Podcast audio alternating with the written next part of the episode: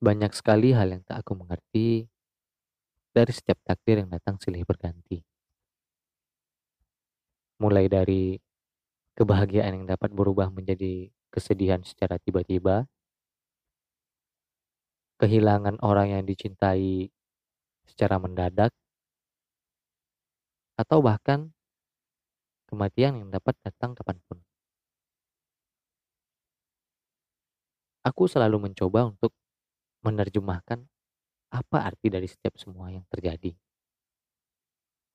Tapi semua itu terhenti pada satu kalimat. Ini semua takdir.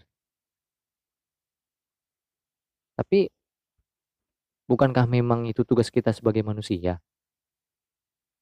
Menerima apa yang terjadi. Menjalani apa yang telah ditetapkan bukan malah memahami apa yang sedang terjadi atau yang akan terjadi. Menerka-nerka apa tujuan dari semua ini. Karena semua itu terjadi pasti atas, atas kehendak. Semua itu terjadi sudah pasti telah dituliskan di lauhil mahfud.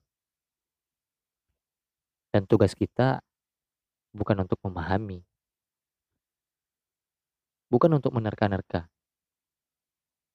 tetapi tugas kita adalah untuk menjalani dan mempercayai bahwasanya takdir yang datang kepada kita itu adalah takdir yang terbaik darinya yang maha kuasa.